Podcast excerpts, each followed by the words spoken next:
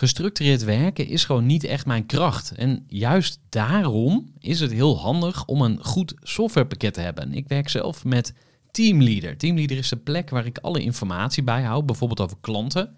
Waarin ik offertes maak en verstuur en die digitaal laat ondertekenen. Waarin ik facturen verstuur, waarin ik lijstjes bijhoud, waarin ik projecten kan managen, waarin ik standaard e-mails kan programmeren. Kortom, ik gebruik Teamleader om alle werkprocessen van mijn bedrijf te stroomlijnen. En zeker ook als je met een team werkt, is het heel fijn om over dezelfde informatie te beschikken. Nou, als je ook benieuwd bent of er mogelijkheden zijn om jouw bedrijf meer te stroomlijnen, of je nu alleen werkt of met een team, ga even naar teamleader.nl slash groeivoer en je kunt dan vandaag nog een trial starten voor twee weken lang, gratis. En je kunt Teamleader volledig uitproberen. En na de proefperiode krijg je ook nog zo'n leuke korting als luisteraar van Groeivoer. Ga naar teamleader.nl slash groeivoer. Groeivoer. Groeivoer. Groeivoer. Zoek je inzicht, inspiratie voor je eigen bedrijf. Wil je elke dag iets leren? Luister dan naar Groeivoer. Welkom bij een nieuwe aflevering van de Groeivoer podcast. En ik sta hier met Roel Chateaurier en Paul Sint-Nicolaas van Moju. Roel en Paul gaan de strijd aan met een groot probleem. En dat is onnodig papiergebruik. Een van de grootste verspillingsbronnen op aarde. Roel besloot al zijn tijd op aarde te wijden aan duurzaamheid. En samen met Paul richtte hij eind 2019 Moju op. Deze heren staan hier niet alleen als idealisten, maar ook als echte goede ondernemers. Want met hun bedrijf zijn ze pas eind 2019 begonnen, maar het is keihard gegaan. Ze groeiden hun bedrijf op eigen kracht naar een team van inmiddels 25 medewerkers dat internationaal opereert en de groei is er nog lang niet uit. Hoe werken deze mannen samen en hoe is het gelukt om zoveel klanten te vinden? Waar lopen ze tegenaan bij de snelle groei van het bedrijf? En wordt het niet eens tijd voor een zakje groeigeld? We gaan het ontdekken in deze aflevering van de Groeivoer podcast met Roel en Paul. Van harte welkom bij de podcast. Ja, leuk dat we er zijn. Thanks, Jan. Voor de kennis en ideeën van een interessante gast. Die zijn verhaal met jou wil Ja, twee idealisten die ook weten wat eh, geld verdienen is. We gaan straks eh, dat onderwerp verder uitdiepen. Maar zoals mijn luisteraars eh, weten, vraag ik altijd mijn gasten om eh, eh, ja, zich even voor te stellen. En daarvoor gaan we terug naar jullie kindertijd. Roel, wil je ons eens voorstellen aan de kleine Roel? De kleine Roel. Ik, eh, ik kom uit Venlo. Daar ben ik opgegroeid.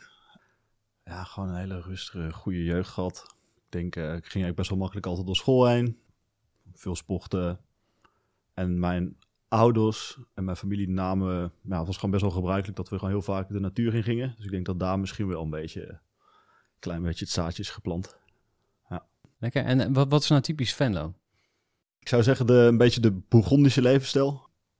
Ja, bij ons staat altijd wel gewoon de achterdeur open. Je kunt altijd binnenlopen. Je bent altijd welkom. En carnaval of vastelovend, zoals wij het zeggen. Ja, Ja. Maar in Venlo mag je geen carnaval zeggen. Nee, nee, daar kom je er niet in. Goe- Goede insider info. hey, en eh, we duiken nog wat dieper in jouw uh, doopcel. Want eh, wa- wat ehm, heb je broertjes, zusjes? Eh, ik heb een oudere zus en ik heb een jongere zus. En eigenlijk, eh ze, zijn, ze werken allemaal in eh, voeding en zorg. Dus eh, ik heb een beetje een andere pad gekozen. Wat heb je van je ouders meegekregen? Ik denk met name gewoon eh, goede normen en waarden. Ehm, bijvoorbeeld, niemand is meer dan jou en niemand is minder dan jou. Ja, ook wel een, eh, soort mindset dat ehm, als ik bijvoorbeeld vroeger naar de tandarts moest, dan kun je daar heel lang over nadenken. Zijn moeder, rol is vijf minuten, we gaan niet over praten, gewoon gaan. En dat heb ik soms nu als ik, als ik iets op werk moet doen, dat ik wel eens denk, eh, oh, heb ik eigenlijk geen zin in. En dan denk ik, oké, kost me even tien minuten, gewoon, laten we er niet over praten en het gewoon doen, weet je wel. Ja. Ja, dat eh, helpt je ook in het ondernemerschap dan?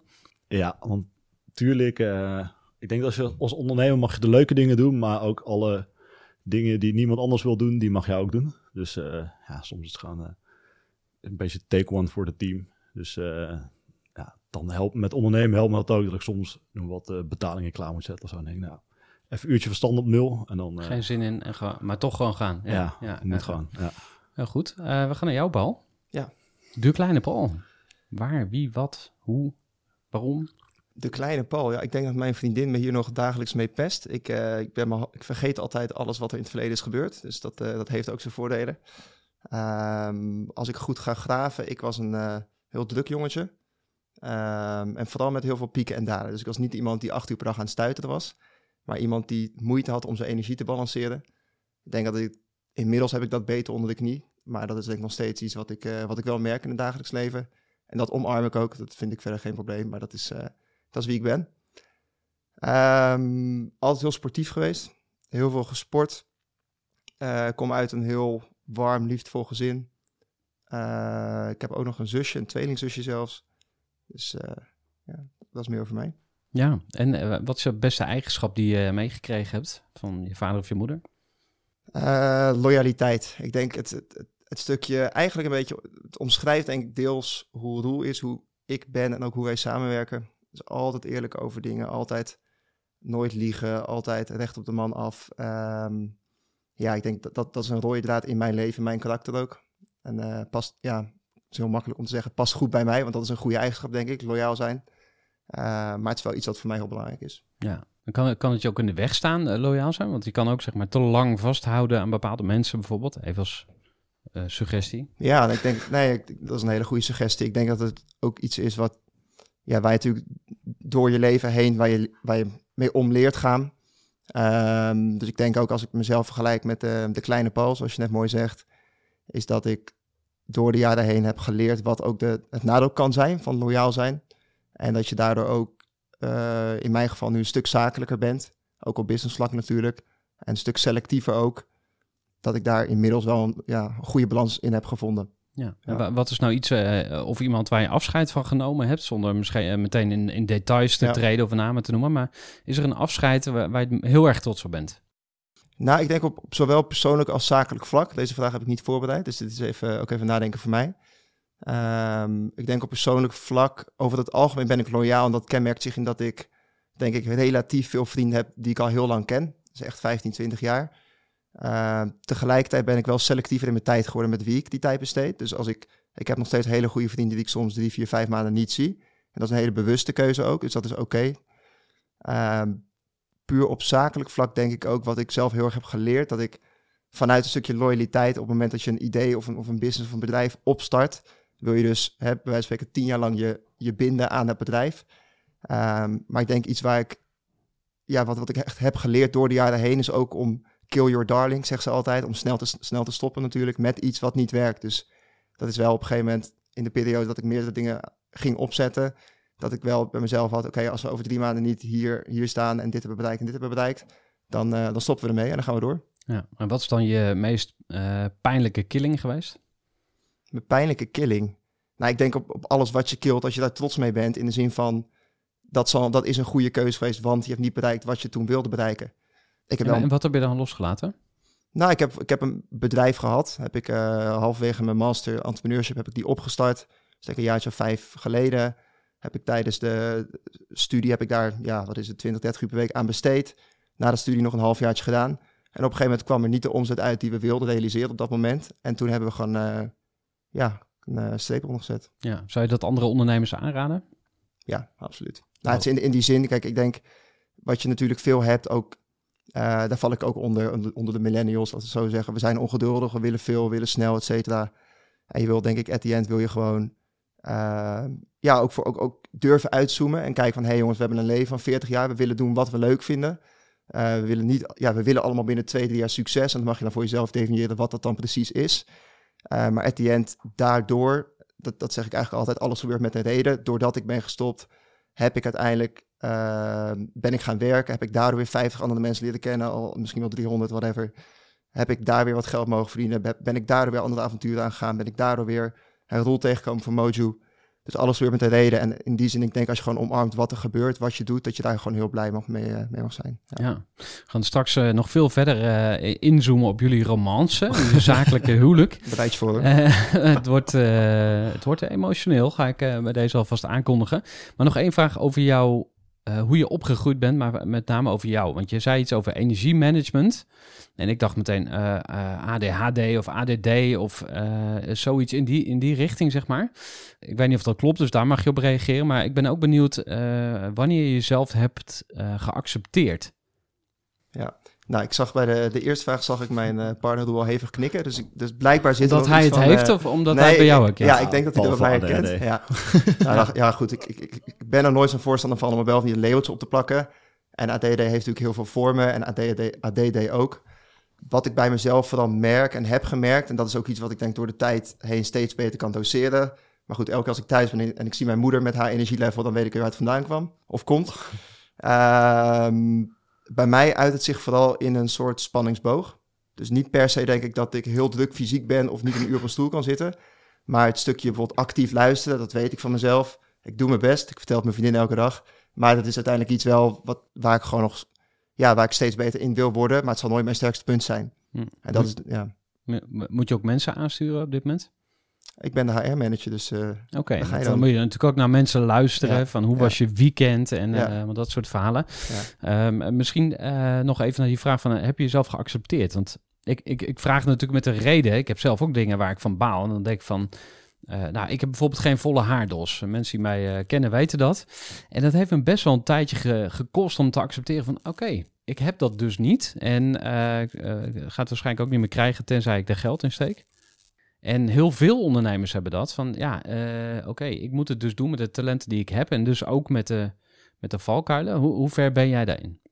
Ja, ik denk dat dit iets is wat ik een, een heel interessant onderwerp vind. Ehm, en ook iets wat ondernemerschap jou heeft geleerd. Door zo vaak elke dag weer uit je comfortzone te stappen. Op allerlei verschillende manieren. Van, hè, voor mij is dat al actief luisteren naar iemand. Ondanks dat ik het ongelooflijk interessant vind wat, hoe, ja, wat het weekend was van een collega, bij wijze van spreken. eh, denk ik dat het iets is wat ik, ja, waar ik heel bewust in ieder geval mee bezig ben.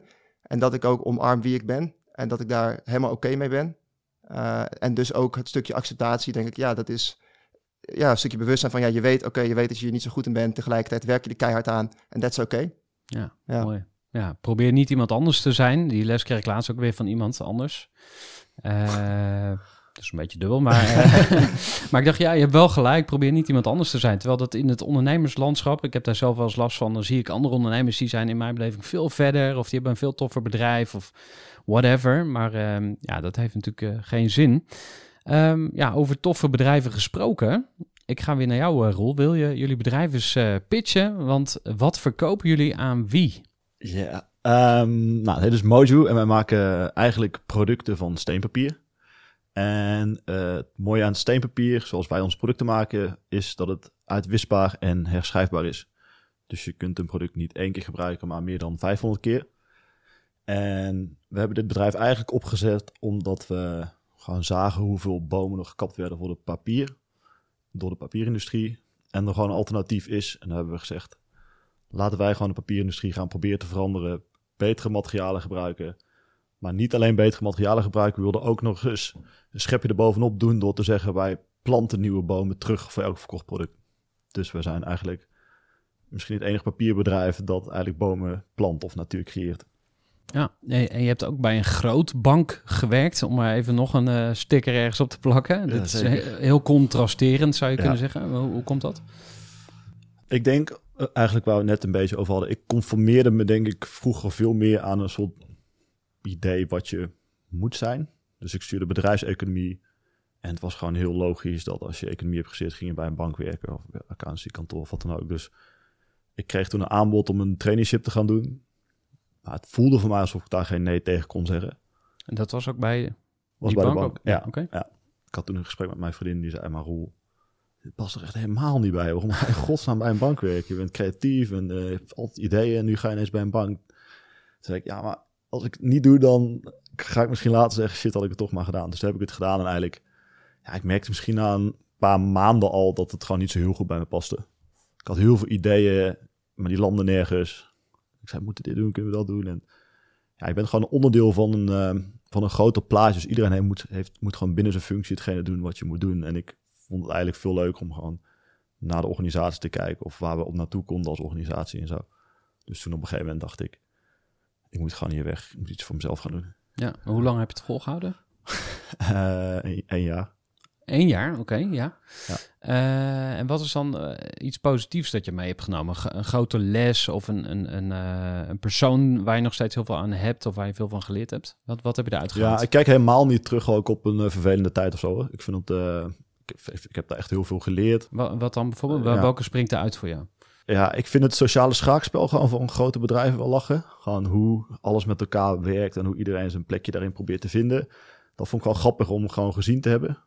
Ik heb ook al veel financieringskennis opgedaan. Natuurlijk wel wel relevant. Dus wij zijn nu in gesprek met de bank. Maar ik weet ook hoe een bank naar ons kijkt. En Ja, hoe, je kent de andere kant van de tafel, zeg maar. ja, precies. En ja, we hebben echt een groot netwerk aan overgehouden. Want je, ja, misschien ontmoet je in zo'n jaar eh, 200 tot 500 collega's.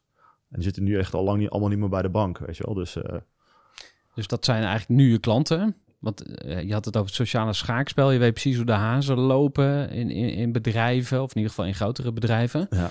Dus daar kan je je voordeel mee doen, ook commercieel gezien. Ja. Je kent heel veel mensen. Gebruik je dat netwerk ook of, of ben je ergens anders begonnen? Ja, wij, wij zetten wel veel ons eigen netwerk in. Zoals ik er altijd naartoe kijk, is, ik sta altijd klaar voor andere mensen. Dus ik heb nu iets vets te bieden. Dus dan wil ik het ook graag laten zien aan mensen Hmm. van wat voor iets moois ik te bieden heb. Dus wij eh, zijn wel heel actief bijvoorbeeld op LinkedIn, heel veel posten. Ook mensen wel benaderen van, hey, we denken dat dit best wel goed bij jullie bedrijf past. Eh, zou, zou je dit misschien willen proberen? Kunnen we je een sample opsturen? En ja, daar zijn we ook niet echt schuw in of zo. Ja, en ehm, eh, hoe, hoe, ehm, ja, hoe krijg je mensen zover om het te gaan gebruiken? Is dat, is dat een drempel? Want ze zeggen wel eens van als je iets wil verkopen, moet je eigenlijk ook het gedrag van mensen veranderen. Mhm. We hebben geleerd dat mensen die ons product gingen gebruiken, eigenlijk pas ervaren hoe fijn het schreef en hoe, hoe makkelijk het uit te wissen is. Dus we zijn nu ook wel veel makkelijker in een sampletje geven, omdat we eigenlijk gewoon weten, als mensen het proberen, Gebruik dan het nou snappen ze maar, het. ja. Ja. En eh, ja, dat is denk ik één. En anderzijds, ehm, als, als je het hebt over duurzaamheid, ik denk dat ehm, ja, veel mensen vinden dat nog spannend of zien het als iets niet leuks. En eh, daarom gaat denk ik de gaan we gewoon best wel langzaam met z'n allen. We moeten eigenlijk veel sneller gaan. Ik denk juist dat het leuk aan ons product is, is dat het... Dit is maar een hele kleine aanpassing. Dus daardoor denk ik dat het juist een heel Hmm. goed iets is om, om mee te verduurzamen. Want het werkt fijner of net zo fijn als normaal papier. Dus ja, je hoeft niet heel veel concessies te doen. Ja. Ja, interessant. Eh, Paul, wat was voor jou het moment dat jij instapte, ook psychologisch, eh, op dit idee? Dat je dacht van, ja, dit gaan we doen. Ik had niet zoveel tijd om na te denken, want op het moment dat ik een, eh, een, een leuk persoon tegenkom eh, en een leuk idee, dan, dan gaan we er gewoon voor. Dan gaan we het gewoon testen. Dat is ook een van onze kernwaarden, learning by doing. En ik denk dat dat onze samenwerking en, en ook het bedrijf heel erg samenvat. Wij hebben elkaar letterlijk via internet leren kennen. kan Tinder. ik zo nog wel wat eh compagnonadvies over geven over de, de website waar we elkaar hebben gevonden, youngcreators.co. maar daar gaan we niet te lang over hebben vandaag, maar dat is misschien een leuke, leuke eerste tip. Goeie tip. Ja, waarom niet? Roel was op zoek naar iemand die met iets meer, denk ik, een commerciële achtergrond. Iemand die heel erg, eh, ik denk, aanvullend dacht, aanvullende skills had. Ik vond het interessant. Het was uniek, het was nieuw, het was innovatief. Eh, en ik denk dat we nooit over gehad eigenlijk. Prima, leuk telefoongesprek, vijf minuutjes hadden. Vond je? En dat we... ja, en dat, zodoende hebben we een koffietje gedaan. En ik denk, Roel was op dat moment actief op zoek naar een compagnon die hem aanvulde. En dan zijn het eigenlijk, dat is iets wat ik heb meegenomen van de vijf, zes jaar daarvoor ondernemen.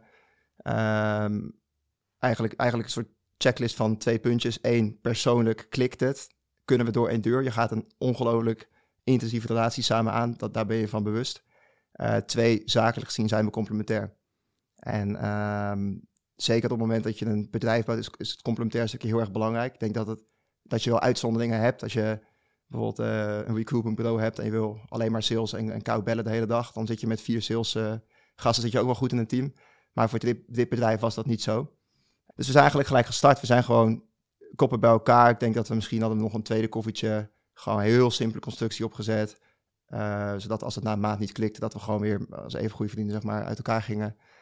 En zodoende eigenlijk na, ja, voor mij was dat een maand lang vanuit mijn commerciële achtergrond netwerk opengooien en eh, kijken of er tractie in de markt is. Je hebt gewoon, je hebt zoveel verschillende frameworks waardoor je kan toetsen of een start-up wel of niet succesvol is. Hoe is de timing in de markt? Hoe is de duurzaamheid? Is er een product market fit? Et cetera. En dat eigenlijk aan alle kanten voelde het heel goed. Dus ik denk dat we binnen een maand ook de eerste productie hebben opgestart destijds. Eh, dat ging om 100 boekjes met een kostprijs van zeven keer zo duur als nu. Ik zal verder geen aantallen noemen. Eh, en we hadden een kans, we hadden een ingang destijds bij Eco Schools.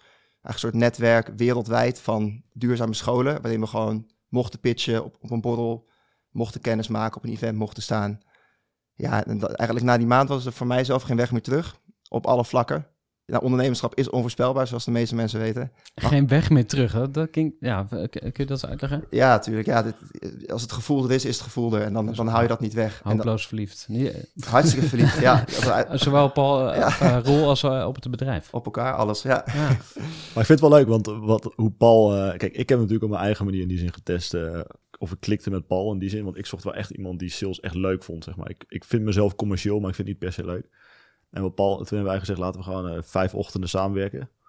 En eh, Paul had natuurlijk ook zijn eigen manier om te testen of hij leuk. En hij ging gewoon, eh, gewoon vijf ochtenden bellen en mailen. En toen zei hij, oké, ja, ik heb nog nooit een product verkocht waar zo'n hoge reactie op is. Ik krijg best wel veel mails terug en zo. Dus oké, let's go. En ik vond het heel nice om te zien dat hij dus gewoon in een ochtend gewoon 100 bedrijven ging mailen. En dacht ik, oh, oh, ik vond het al, als ik het goed deed, dan deed ik 10 bedrijven, weet je wel. Dus Hmm. daarin zag ik van dat hij wel echt eager was. Ja. Even een korte onderbreking met een belangrijke vraag aan jou. Want wat heb jij geregeld voor het geval je van de ene op de andere dag zou komen uit te vallen? Wat gebeurt er dan met je bedrijf, maar vooral wat gebeurt er met jou persoonlijk en ook in financieel opzicht? Samen met ASR voerde ik drie openhartige gesprekken over tegenslag en veerkracht. En dat deed ik met Saskia, Vincent en Pieter. Ondernemers met een bloeiend bedrijf die van de ene op de andere dag niet meer konden werken. En die verhalen hoor je in aflevering 256, 257 en 258 van deze podcast. Als ondernemer wil je natuurlijk niet uitvallen. En daarom is het belangrijk dat je veerkrachtig bent, want voorkomen is beter dan genezen. En als het dan toch misgaat, is het fijn dat je iets geregeld hebt, zodat je weer snel door kunt met ondernemen. Wil je weten hoe veerkrachtig jij nu bent? Vul dan in twee minuten de veerkrachttest van ASR in. Ga naar asr.nl slash veerkrachttest ondernemers. Ja, grappig. Nog even terug naar die begintijd, want eh, eh, sales was dus jouw, jouw skill. ja, Eh, groeien zou ik zeggen. groei. Sales marketing, ja. ja, eh, daar was je ook heel erg bewust van. Had je, had je, Ja, dan moet ik eigenlijk nog iets verder terug in de tijd. Volgens mij hebben we de tijd, dus eh, dat kan ik rustig vertellen. Tijdens mijn bachelor bewegingswetenschappen heb ik mijn eerste bedrijf opgericht met een andere compagnon. En dat bedrijf heb ik opgericht vanuit een passie voor sport en gezondheid. Die heb ik nog steeds elke dag. Dat bedrijf heette Sapa Sports. En wat we eigenlijk deden daar was bootcamps geven, trainingen, personal training aan particulieren, maar ook bedrijven. Dus dat was letterlijk eh, een Facebook groepje aanmaken, al je vriendjes verzamelen. Zeven ochtends in het Vondelpark, drie uur lang voorbereiden en dan eh, een opkomst van nul mensen. Dat, eh, Hmm. nou goed, zo begon het hè. Ehm, ongelooflijk veel geleerd, maar voornamelijk de, gemerkt bij mezelf, hey, hey Paul, luister eens, het, het sporten is leuk, het voor de groep staan is leuk, het training geven is leuk. Maar eigenlijk wat nog leuker is, is gewoon het ondernemen, het knallen, het gas geven, gewoon gaspedaal indrukken de hele dag. En ook eigenlijk door, door die effort zeg maar erin te steken, krijg je natuurlijk zoveel vrijheid weer voor terug en voldoening en met, met je ja, destijds en nog steeds eigenlijk mijn beste vriend. Eh, Dat, dat- ja, dat, ja dat, is, dat was voor mij goud waard. Dus ik heb eigenlijk, dat was aan het einde van de bachelor. En toen heb ik tegen mezelf ook gezegd, oké, laat ik even een jaartje rustig gedaan doen, nadenken, nieuwe ideeën uitwerken met nul kennis, als een, als een soort leek. Maar wel gewoon eh, gezegd tegen mezelf, oké, dan gaan we een jaartje in de theorie investeren. Master Entrepreneurship gedaan. Nou, wat ik denk aan het begin van deze, podcast al aangaf, halverwege die podcast een ander idee opgestart. Ja, en daardoor gewoon echt geleerd en gemerkt bij mezelf, want ondernemerschap is echt, eh, echt hetgeen wat ik wil blijven doen. Ehm, en die early days eh, die jullie samen hadden, eh, ik vroeg je van, was je bewust van je eigen eh, skill ja, op, op salesgebied? En wat, wat is volgens jou dan goede sales? Want dan gaat het denk ik bij heel veel ondernemers nog wel eens mis. Ze hebben een prachtig product, maar ze verkopen er geen, geen reet van. Ja. Wa- wat is volgens jou goede sales? Nou, ik ga mezelf nu een beetje tegenspreken, want volgens mij heb ik uitgebreid verteld dat ik niet actief kan luisteren. Maar op, op zakelijk gebied kan ik dat denk ik wel. Ik heb dat wel geleerd en ik denk dat uiteindelijk luisteren een van de beste eigenschappen is die een salesman, een goede salesman kan hebben. Eh, want ja, dat, dat is uiteindelijk nog steeds wat je vier op de vijf keer ziet, denk ik. Is dat je mensen die, die gooien iets naar je toe zonder dat je weet waar de behoefte is, waar het probleem ligt. En dat is het, eh, ja, dat, dat, dat, dat is uiteindelijk de essentie, dat is de basis. Je wil problemen oplossen, samen.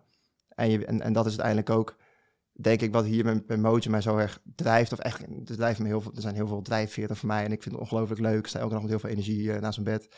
Maar je lost een probleem op. En dat is gewoon zo waardevol. Je bent, je bent niet iets door de slot aan het duwen, nooit. Altijd een bepaalde respect. Je hebt, het ongetwijfeld ook jou niet onbekend push en pull. Je hebt gewoon, kan op verschillende manieren kan je de markt eh, betreden. Ja. En je merkt gewoon dat je een oplossing voor iets hebt in de innovatieve hoek, in de duurzame hoek. En dat is eh, met heel veel toffe mensen om je heen.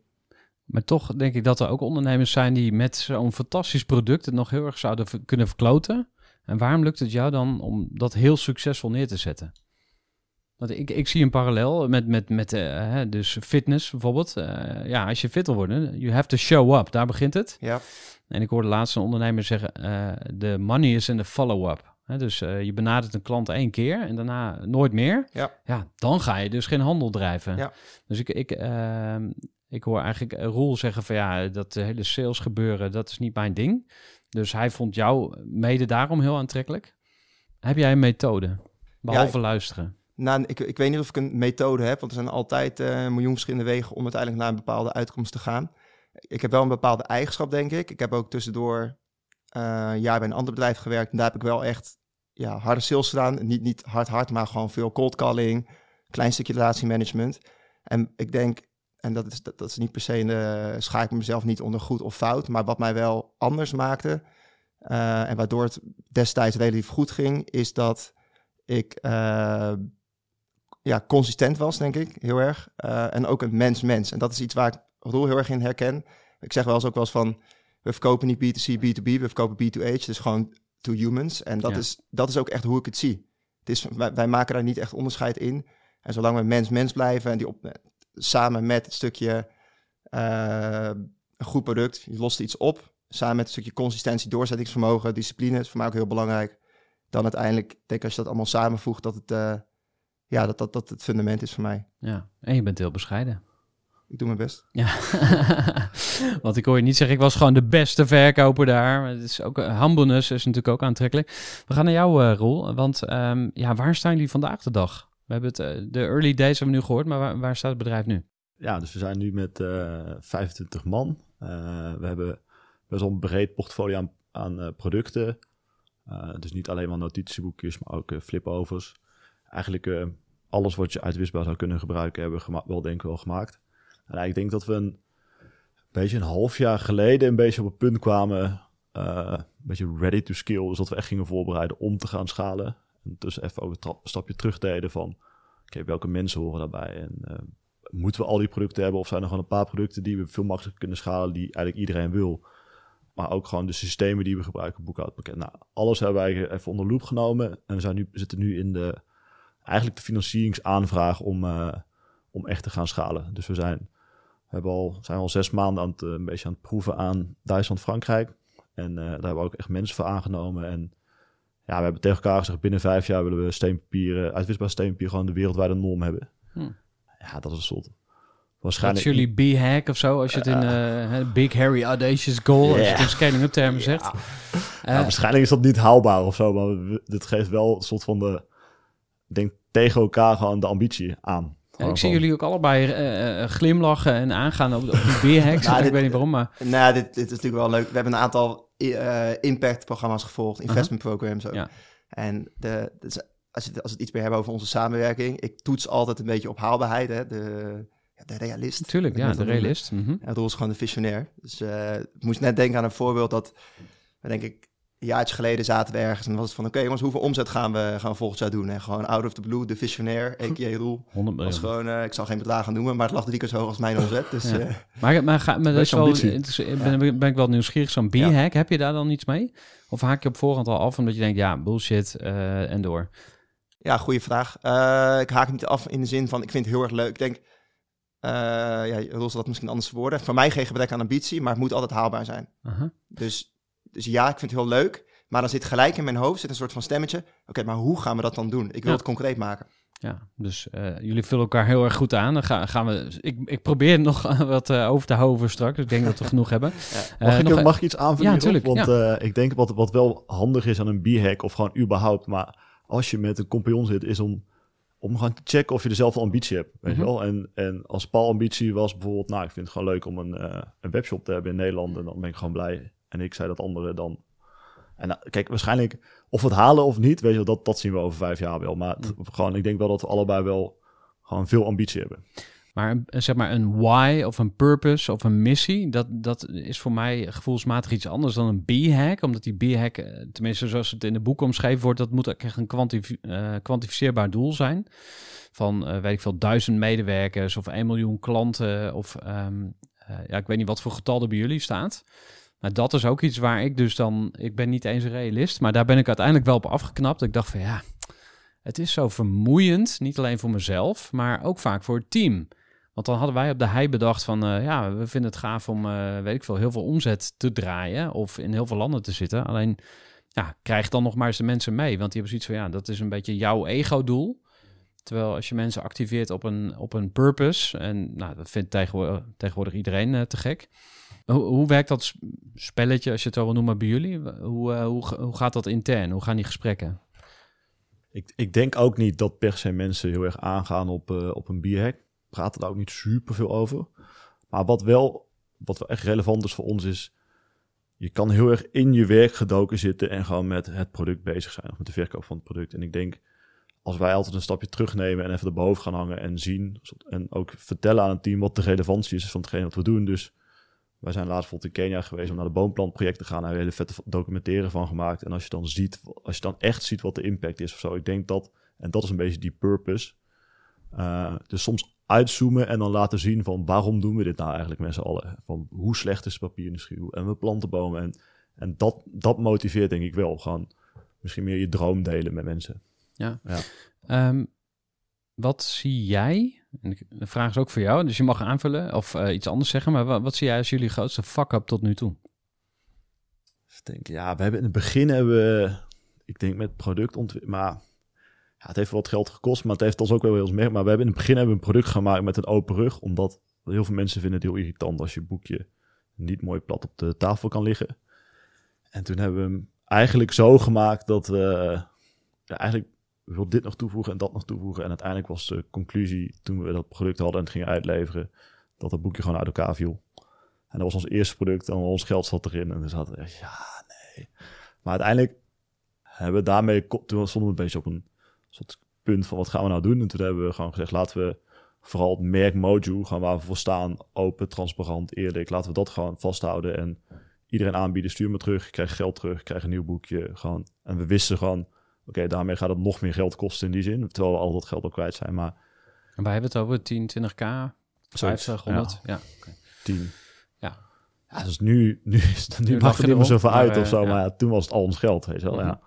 ja. En, en wat was de grootste les daarin? Ja, ik denk dat wij wel, wij zijn meer gaan kleine testen op gaan zetten, denk ik. Dus we testen nu veel uitvoerig het product en we vragen het aan uh, klanten wat ze ervan vinden. En, en als dan mensen, als we dan denken van, ah ja, mensen vinden het wel tof, dan ga ik dan niet meer 10.000 maken, maar dan maak ik het gewoon 200. En dan kan ik een beetje reflecteren op van, oké, okay, heeft het gewerkt of niet gewerkt? En dan pas gaan we groot. Misschien ook vroeger wel uh, gewoon iets meer gedacht dat ik het zelf wat beter wist of zo. Van, ah, dit is gewoon goed, laten we dit gaan doen. Ja, voor, voor jou, Paul, uh, wat, wat zie jij als jullie grootste fuck-up tot nu toe? In, in een van de eerste jaren waarin we nog wat kwetsbaarder waren, werden we op een gegeven moment geband van Facebook-advertenties. Ik wil niet direct zeggen dat dat ons een, fuck-up is die we, dat, die we toen gelijk hadden kunnen voorkomen, want het was in die zin onterecht. Uh, maar gevolg was wel dat 80% van onze omzet wegliep voor vijf, zes weken. Dus daar moesten we op schakelen. En sindsdien zullen we never nooit meer afhankelijk zijn van alleen Facebook-advertenties. Um, ander, voordeel, of ander voordeel, ander voorbeeld is dat later in dat jaar dat we, we, hebben, we hebben een soort policy binnen een bedrijf dat iedereen gewoon, we werken heel erg op ownership en mensen mogen zelf hun vakantiedagen bepalen, et cetera. Um, maar dus, dus wat we hadden gezegd van jongens, pak lekker vrij, kerst, laatste twee weken, komt wel goed. Maar goed, wij hadden net tien weken, hadden we ons helemaal kapot gewerkt. Dus we dachten, jongens, wij willen ook even rust. En toen kwam natuurlijk de hele lading aan support kwam nog binnen de laatste twee weken van december. Dus toen uh, hadden we even geen kerstvakantie meer. En dan eerste week januari wil je er ook alweer scherp staan voor het team. Dus dat is denk ik wel een ander voorbeeld. Dat, dat zullen we niet meer zo... Het zal ons niet nog een keer gebeuren. Uh, misschien een laatste was begin van dit jaar. Toen Doel naar Kenia is geweest, was ik zelf ook drie weken weg. Dus eigenlijk wat we, wat we even platgeslagen deden was... jongens, iedereen op kantoor, zoek hem maar even uit. Kom maar goed. Kijk ik, maar even. Ik werk op afstand, de Doel is ook nog even bereikbaar. Nou, dat liep ook wat anders dan gepland. En wat ging er dan precies mis? Ja, ik denk, kijk, je komt uit een soort van eh, mega positieve flow. Kom je het laatste kwartaal uit. Je hebt hartstikke goed gedaan. Ook commercieel gezien, financieel gezien. Heb je gewoon ongelooflijk veel blije klanten aan je kunnen binden. Op de zakelijke markt als de consumentenmarkt. Maar dan in januari begint het, het hele after sales traject begint eigenlijk. Hè, met eh, misschien een keer hier en daar een beschadiging, veel supportvragen. Maar ook gewoon, je komt, je komt net uit het, volgens mij was dat de laatste meeting die we hadden voordat we beide drie weken weg waren. Je komt net uit een soort van yearly kick-off, waarin je alle plannen presenteert en volgt hoe je moet aan de slag wilt.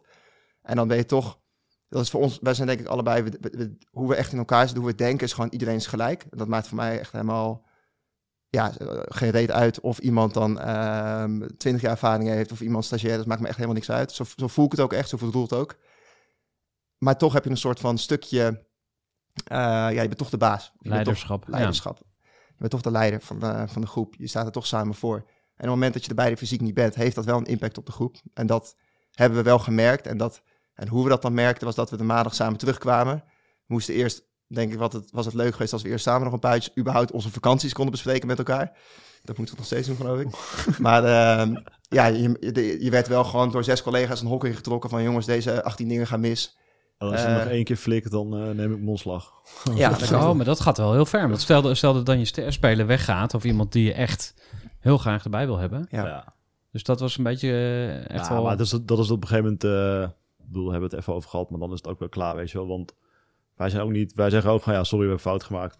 Doen we niet meer. Oké. En eh, we hebben het gewoon verkeerd ingeschat. En nu staan we er eh voor 200% om het allemaal recht te trekken. Dus ja. Ja. Mooie lessen. Eh, het doet me denken, ik heb natuurlijk de Groeiclub voor Ondernemers, zoals jullie weten. En we hebben elke maand een fysieke bijeenkomst. En we hebben dan altijd ook een onderwerp en een spreker, of meestal weer meerdere sprekers. En 4 augustus hebben we het over zelforganisatie. Dus dan gaat het erover hoe je je bedrijf eigenlijk ehm, ja, zelfstandiger kan maken. Ik zeg bewust geen zelfsturing, want dat schijnt dan in, die, eh, in, in dat vakgebied een, ehm, eh, heel iets anders te zijn weer. Maar zelforganisatie. Ja, ik ben benieuwd, denk je dat eh, als jullie nog een groeistap maken, dat jullie rol groter wordt of misschien juist kleiner? Wat denk jij? Nou, ik ben eigenlijk best wel actief aan het voorsorteren op het feit dat ik wil dat mijn rol kleiner wordt. In die zin, eh, ik weet gewoon, denk best wel goed waar ik goed in ben. En eh, dat is gewoon een stukje creativiteit, vette dingen uitdenken. En ik merk gewoon nu groeien dat je eigenlijk heel veel aan het managen bent. En ik zit dus heel veel achter mijn mail of of achter mijn computer te mailen. En ik krijg daar gewoon geen energie van. Dus ja, dus wij hebben het er wel eens over. Misschien willen we gewoon één persoon nog bij die meer het managementwerk gaat doen. Zodat wij gewoon kunnen blijven ondernemen, zeg maar. Ja. Dus eh, Extra compagnon of een directeur of een...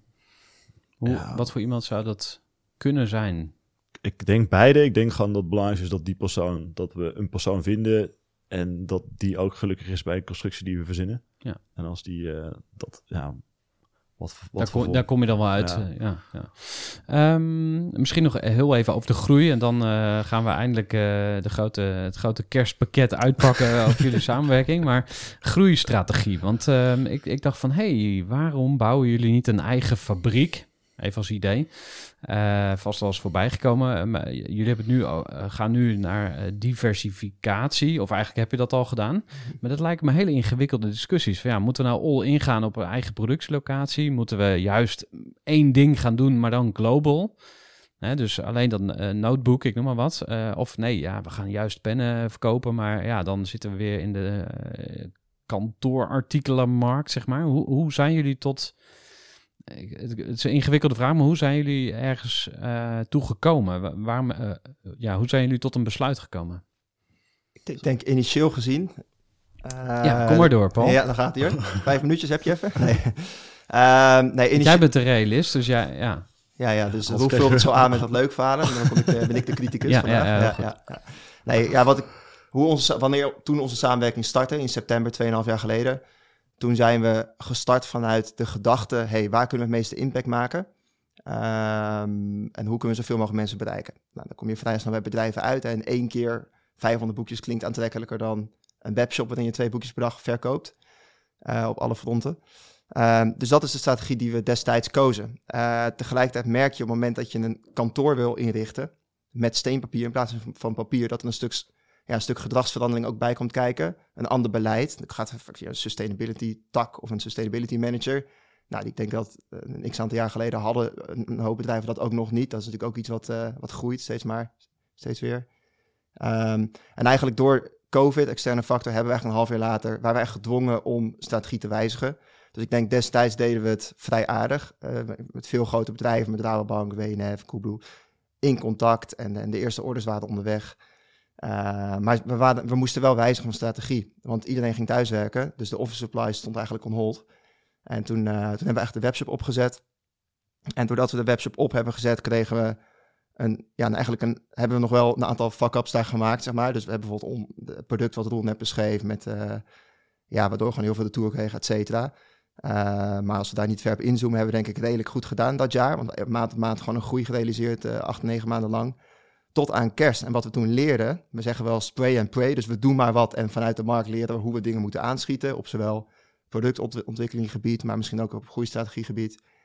Uh, wij leerden dat eind 2020, dat er ongelooflijk veel bedrijven naar ons toe kwamen. Omdat gewoon simpelweg enthousiaste consumenten ons Mojo-boekje gingen hmm. introduceren bij werkgevers en managers. En toen hebben we denk ik uh, 40 bedrijven kunnen mogen helpen. En ik denk dat we dat hele, dat hele riedeltje eigenlijk in vorig jaar nog een keer over hebben mogen doen. Maar dan met nog een heel veel meer consumenten.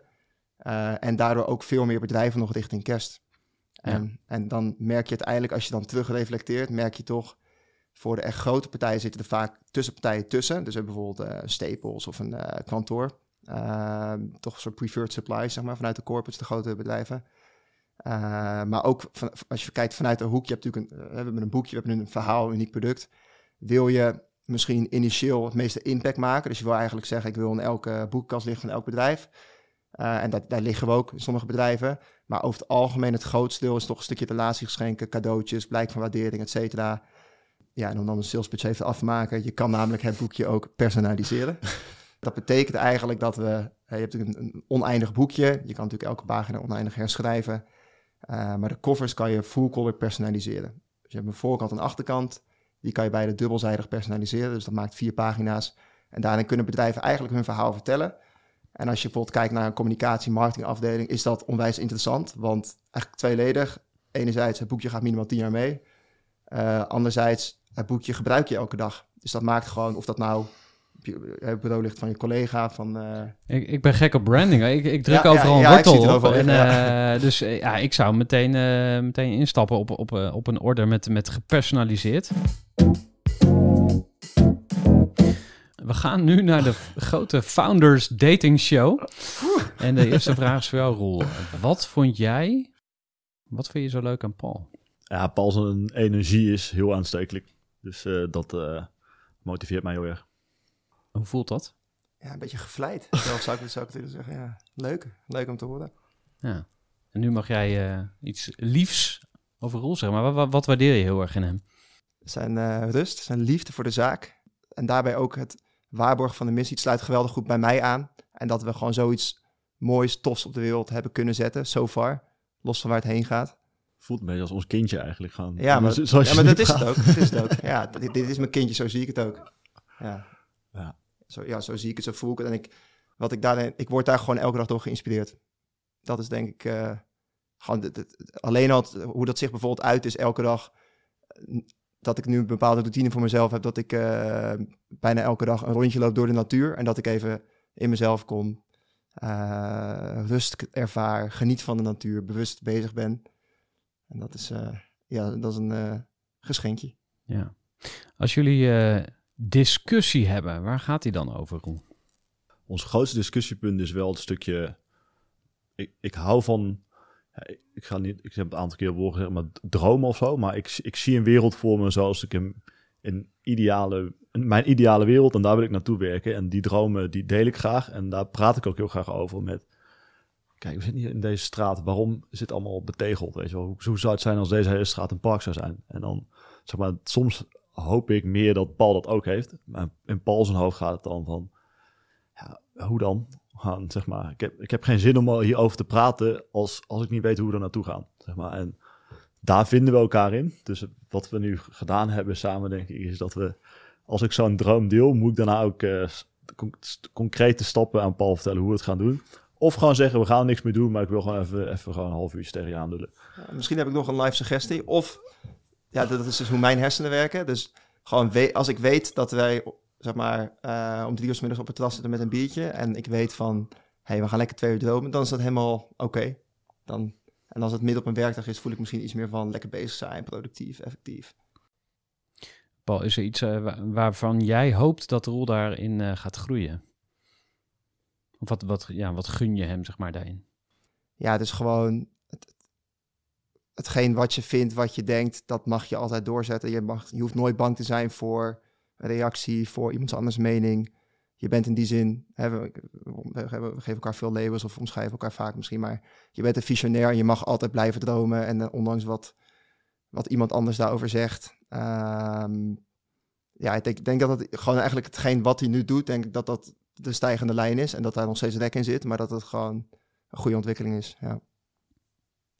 Wat, gun jij, Paul? een stukje rust vinden soms. Gewoon voor zichzelf. En dat kunnen hele simpele dingen zijn, maar als we bijvoorbeeld zitten te lunchen, dan gaan even lunchen. Gaan alleen dat doen. En soms zie ik gewoon dat Paul heel actief dan nog met 16 andere dingen bezig is. En dan soms probeer ik te zeggen, ga, loop, ga, ga gewoon even naar buiten, ga, kom over een half uur terug, ga maar even nadenken of zo, weet je wel. Gaan. En eh, ja, dat kan, ik denk, ik denk dat het gewoon, eh, ja, gewoon soms een beetje rust, dat het goed is voordat het te laat is, snap je? Dus Paul kan zeg maar 26 weken vol aan zijn en dan, pff, oké, ja, ik trek het even niet meer, weet je wel. En dan, dat, eigenlijk heb je dan al 26 weken lang misschien niet consequent genoeg even rust gepakt.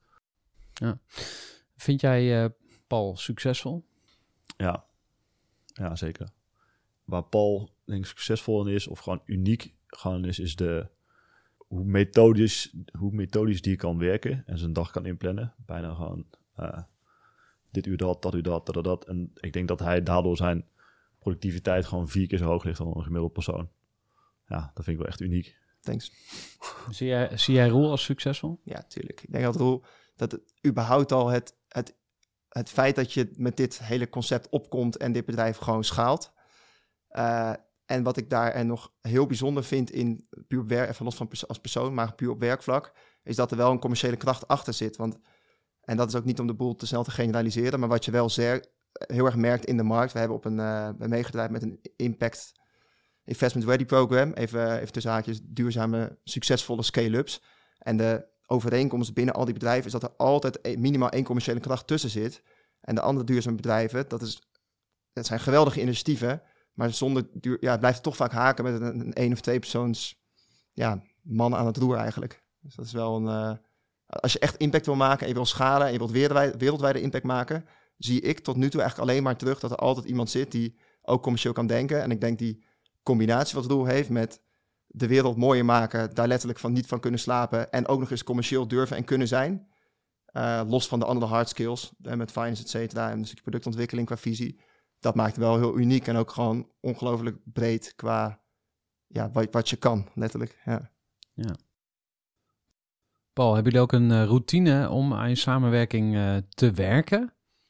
Eh, ja, ik denk dat we dat door de tijd heen hebben geïmplementeerd. En ik denk dat we nu wel, dat ik nu ook kan zeggen dat we iets hebben gevonden wat heel goed voor ons werkt. Elke maandag zitten we eigenlijk een half uurtje in onze één op één founder meeting document. En dan hebben we allebei een eh, twintigtal puntjes die eigenlijk niet urgent zijn. Ook niet per se heel belangrijk, maar wel dingen die we even moeten aan, eh, aantikken. Even, eh, ja, die we even ter sprake Oper- moeten brengen. operationele shit, zeg Puur maar. operationele dingen, ja. En vrijdag pakken we dan echt samen een, in ieder geval een dag gedeeld en soms een hele dag om puur de strategie te doen. Dus dan is het echt stapje terug, uitzoomen. Eh, welke kant willen we op? Hoe gaat het zoals het gaat? Zijn er bepaalde HR-zaken die we even moeten doornemen? Ehm, dus eigenlijk heel breed georiënteerd. En door de week heen kijken we vaak wat willen we dan adresseren, zeg maar, wat, waar willen we het dan over hebben. En als ondernemer denk ik nu van, wow, dat kost toch echt mega veel tijd. Hoe, hoe, doe, je, hoe doe je dat dan? Een, een hele dag vrijmaken? Ehm, nou, ik denk dat de basis is natuurlijk goed plannen. Maar wat ook heel erg meewerkt bij ons, is dat bijna iedereen in het team, alle fulltimers, dat die vier dagen per week werken. Dat vinden we ook, überhaupt vinden we die balans, die balans heel gezond. Ik denk ook op een gegeven moment dat wij er samen gewoon, of beide individueel naartoe moeten gaan. Eh, dus het voelt ook niet als werken, weet je. Het is gewoon je passie, het is wat je, het is wat je leuk vindt. Ja, dus, dus ja, dat. En jullie hebben tot nu toe eigenlijk alles uit de eigen zak eh, kunnen funden of eh, uit, de, uit de, de winst kunnen halen. Bootstrappen natuurlijk, eh, zoals het heet. hoeveel geld zouden jullie willen eh, hebben om echt flink op te schalen? Dan mogen jullie allebei tegelijk een getal zeggen. Oeh. En go. 600.000. Ja, de- minimaal. Per- minimaal. Ja. Dit, het is natuurlijk dit jaar en afhankelijk van hoeveel... Je kan, we kunnen een hele mooie vijf jaar prognose laten zien, et cetera. Ja. Eh, ik ben trouwens ook niet de CFO van dit bedrijf. Dat, eh, dat is mijn compagnon. Maar, Nee, maar eh, als ik een banken ja. meneer zou zijn, dan Ja. zou ik naar jou kijken. Van oké, dit- die, die visionair, die geloof ik wel. Want die, ik ben de die finance man, hè? Ja, ik, doe Ja. Oké, maar dan, dan halen we nog af. En dan nog even de realist. wij hebben zes ton nodig dit jaar. Oké, 6 ton. Maar dan zegt een investeerder van, waarom geen 600 miljoen? Of nou, 6, 60. En zo, zo wordt er natuurlijk ook gedacht van, hey, zijn jullie echt in staat om groot te denken? Want hier staat een founders team, ze hebben al iets opgebouwd. Eh, denken jullie dan wel groot genoeg? Ja, je wilt ook niet kapot groeien, zeg maar, denk ik. Dus ik denk de stap die we nu zetten van, eh, van de omzet die we vorig jaar hebben gedaan, waar we nu heen gaan. Dus eigenlijk, eigenlijk door Frankrijk, Duitsland doen, wordt onze markt ineens zes keer zo groot. En ik vind het wel gewoon een, eh, als we dat echt goed hebben gedaan, dan hebben we best wel echt wel iets moois bereikt, denk ik. Eh, en we kunnen, stel als- als jij nu zegt, eh hier Roel Pals 10 miljoen, dan zou ik dat geld ook wel, ik zou ook wel weten wat ik daarmee zou moeten doen. Vertel eens, wat ga je doen? De eerste drie eh, grote uitgaven? Ik zou dan sowieso veel meer mensen aannemen op de internationalisering. Wat voor mensen En zijn het, met name? Sales, marketing, business development.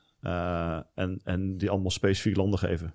Oké, jullie vier gaan gewoon US doen, jullie drie gaan gaan. En dat Nordics, et cetera. Ja. Ja. Dus dat, ik bedoel, het, zoals hetgene wat we nu hebben in Nederland werkt gewoon goed. Dus je zou het veel sneller kunnen schalen. Maar ja, voor ons zou dat ook betekenen dat we ineens eh, 100 man moeten gaan managen. En eh, ik weet niet of we dat zouden kunnen op dit moment. Dus misschien dan, eh, als, we, als je dan toch geld wil geven, dan eh CEO erbij. Ja, ik heb ook wel veel vette, natuurlijk, maar ik heb ook nog wel veel vette productideeën liggen die ik dan, eh, waar ik nu van denk, ah, daar wacht ik nog even mee tot er weer geld is. Maar die zou ik dan ook wel uitrollen. Iets digitaals ook? Appje bouwen, ja. Ja, ja. ja oké. Ja, ik, denk, ik denk ja, als aanvulling ook, je hebt, we hebben denk ik een relatief groot team nu. Dus er zijn ook op het moment dat mensen nieuw starten, die zijn niet binnen vier weken up and running, 110% in hun kracht. En dat wil ik ook wel wat tijd geven. En dat neemt niks weg van onze ambitie, dat we wereldwijd willen gaan.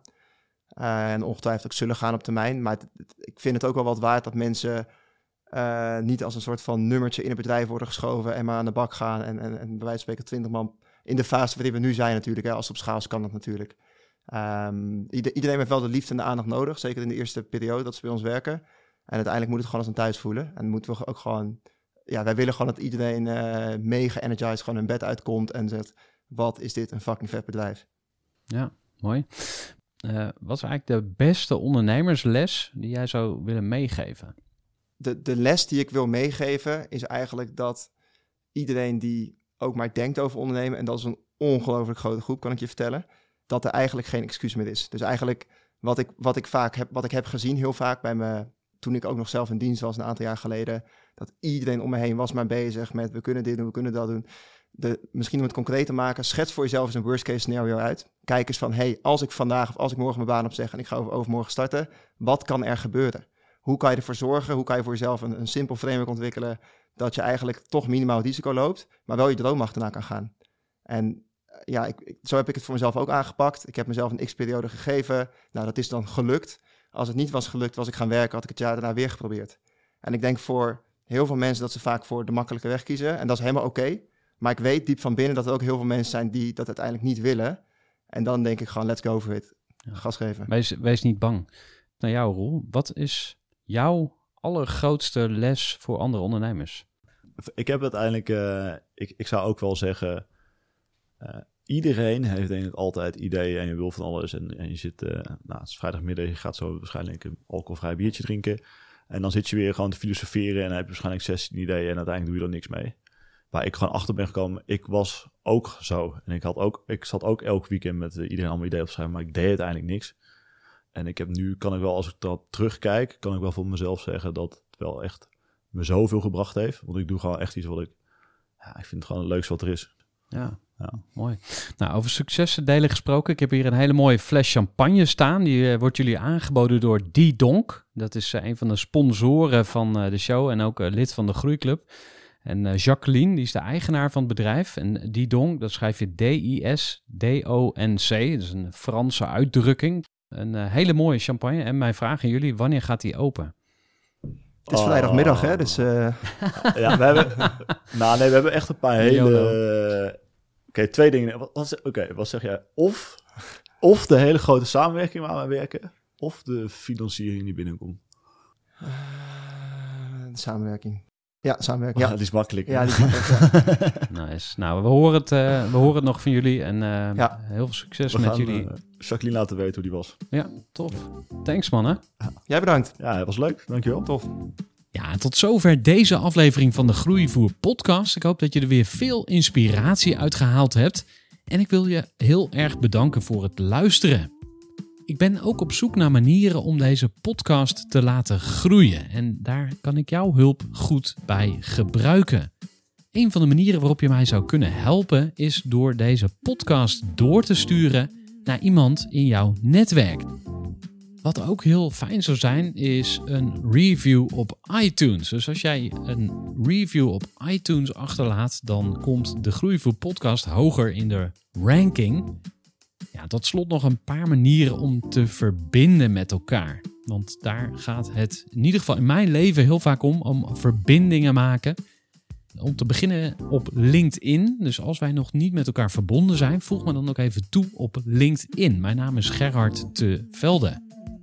Als je ondernemer bent met een team, met personeel, dan nodig ik je ook van harte uit om een keer langs te komen bij de Groeiclub voor Ondernemers. De Groeiclub voor Ondernemers is een soort intervisiegroep, een mastermindgroep, een denktank, hoe je het ook wil noemen, die elke maand bij elkaar komt. En daar kun jij als gast bij zijn. Dus als je ondernemer met een team bent en groeiambitie en je denkt, hey, ik wil wel eens kijken of die groeiclub wat voor mij is, kom dan gerust een keer langs. Stuur mij even een berichtje als je interesse hebt. Ja, tot slot kun je sowieso altijd inschrijven voor de gratis online community groei.club.